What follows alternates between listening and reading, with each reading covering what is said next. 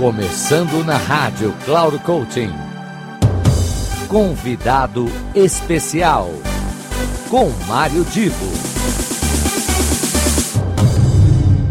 Aqui a Rádio Cloud Coaching, eu sou Mario Divo e como toda semana nós sempre temos uma pessoa especial, seja um convidado, seja uma convidada, mas sempre pessoas especiais que vêm aqui contribuir com o desenvolvimento de cada um de vocês ouvintes. Seja um desenvolvimento com um olhar mais profissional, seja aquele com um olhar mais no cotidiano, no dia a dia de cada um.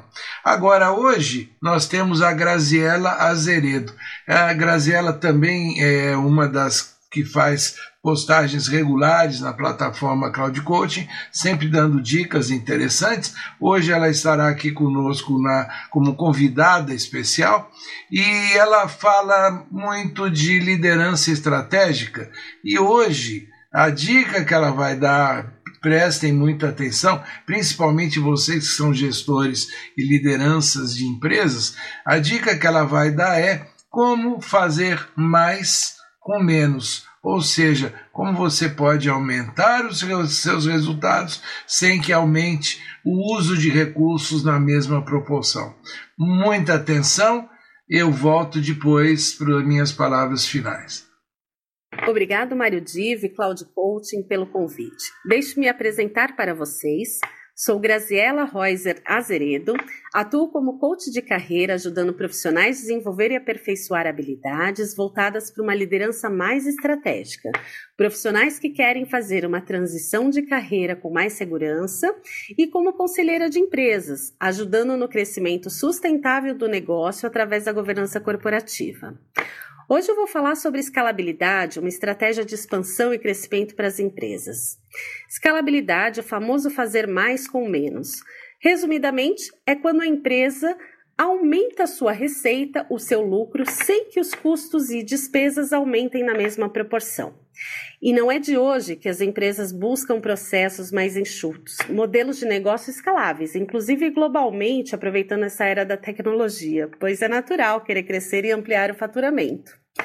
Mas como implantar nas emprezas essa escalabilidade? Bom, Primeiramente, é preciso começar na mente do profissional, dos executivos, nas suas attitudes para depois ser implantada no modelo estratégico do negócio. Depois, é preciso entender que para escalar um negócio é necessario ter processos bem definidos, efficientes e padronisados com proposta de valor nitida para o cliente, politicas claras e seguras para todos os envolvidos no processo, ter um bom relacionamento com clientes, fornecedores e collaboradores emfim um modelo de negócio bem validado com os processos funccionando de forma fluida e efficiente Feito isso, é momento de pensar na melhor estratégia. Pensar em como conseguir crescer o numero de clientes em menor tempo com baixo custo. Como aumentar o faturamento em curto prazo sem aumentar os custos? Quais processos precisam ser automatizados? Como atrair e apresentar valor para os novos clientes? Como fidelisar e encantar o seu cliente? emfim são alguns dos pontos a serem pensados e definidos antes de querer desbravar novas fatias de mercado. Não queira dar um passo maior do que consegue no momento. Só applicamos a escala quando o negocio já é consistente e lucrativo. Um crescimento acelerado não significa uma empresa próspera. É importante pensar grande, mas é fundamental crescer de forma sustentável. Então, se você quizer bater um papo sobre o assumpto contratar uma coute com um olhar holystico sobre o negocio e carreira, ou até mesmo como conselheira para a sua empresa, você me encontra no linkedim como Graziela Reuser Azeredo. Obrigada e um grande abraço. Como sempre, eu commento aqui ah, no encerramento de cada uma das apresentações de nossos convidados especiaes elles dão dicas aqui muito interessantes. Eh, e você que acaba de ouvir a Graziella, assim como quando você ouve os outros convidados, a hora de refletir bastante, pensar como é que eu posso applicar isso tudo que eu ouvi no meu dia a dia.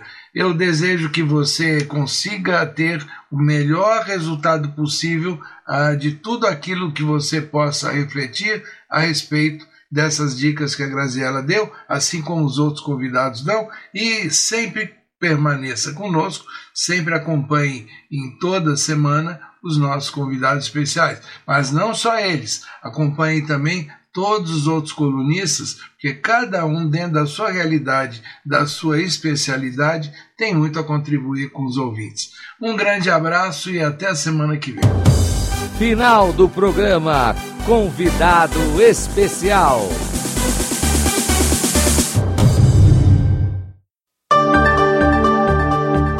Se ligue. Semanalmente você ouve o programa Convidado Especial sempre na segunda-feira às quinze horas, com reprise na terça às cinco e meia da tarde e na sexta-feira às dez horas da manhã. Quem será nosso convidado ou nossa convidada?